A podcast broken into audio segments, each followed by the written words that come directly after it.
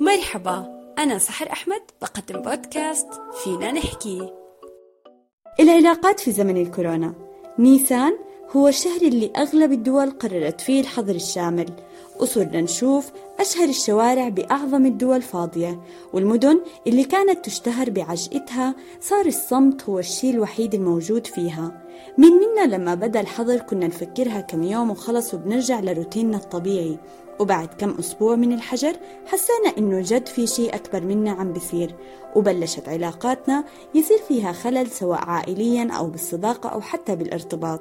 لأنه طبيعي كنا عم نمر بفترة مش متعودين نقعد بالبيت لفترة طويلة مثل هيك وكان عبارة عن روتين قاتل وكمان أكيد ما ننسى إنه نفسيتنا مع الأخبار كانت تتأثر.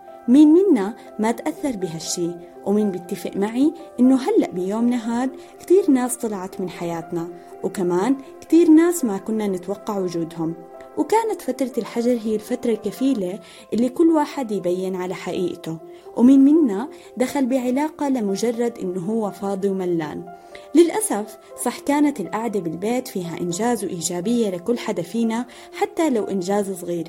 ولكن كمان ما ننسى إنه نظرتنا للعالم ولكل شي حوالينا تغيرت.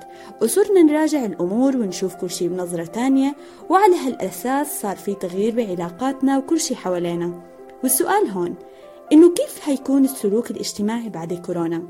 أكيد كنا متلهفين إنه يرجع الوضع مثل ما كان بس في سلوكيات رح تتغير شئنا أم أبينا أول شي رح يكون اعتمادنا على الفيديو كول أكثر من مقابلة الأشخاص وتاني تغيير إنه حنخفف المصافحة بالإيد وحنكتفي بالإشارة لوقت طويل. وتالت تغيير إنه حنتكل أكثر على المواقع التواصل الاجتماعي لتكوين صداقات جديدة. أكيد برجع بكرر إنه هذا السلوك عام ما بنطبق على كل الأفراد. بس الوضع والدراسات بتقول إنه حتكون الوجهة العامة للسلوك الاجتماعي.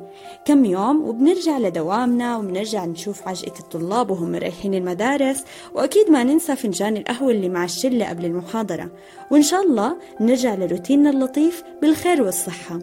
رسالتي إلك خلي علاقتك مع الأشخاص اللي بيستاهلوا وجودك وبقدروك وأكيد بشجعوك وقوي علاقتك بعيلتك لأنه هي الأساس.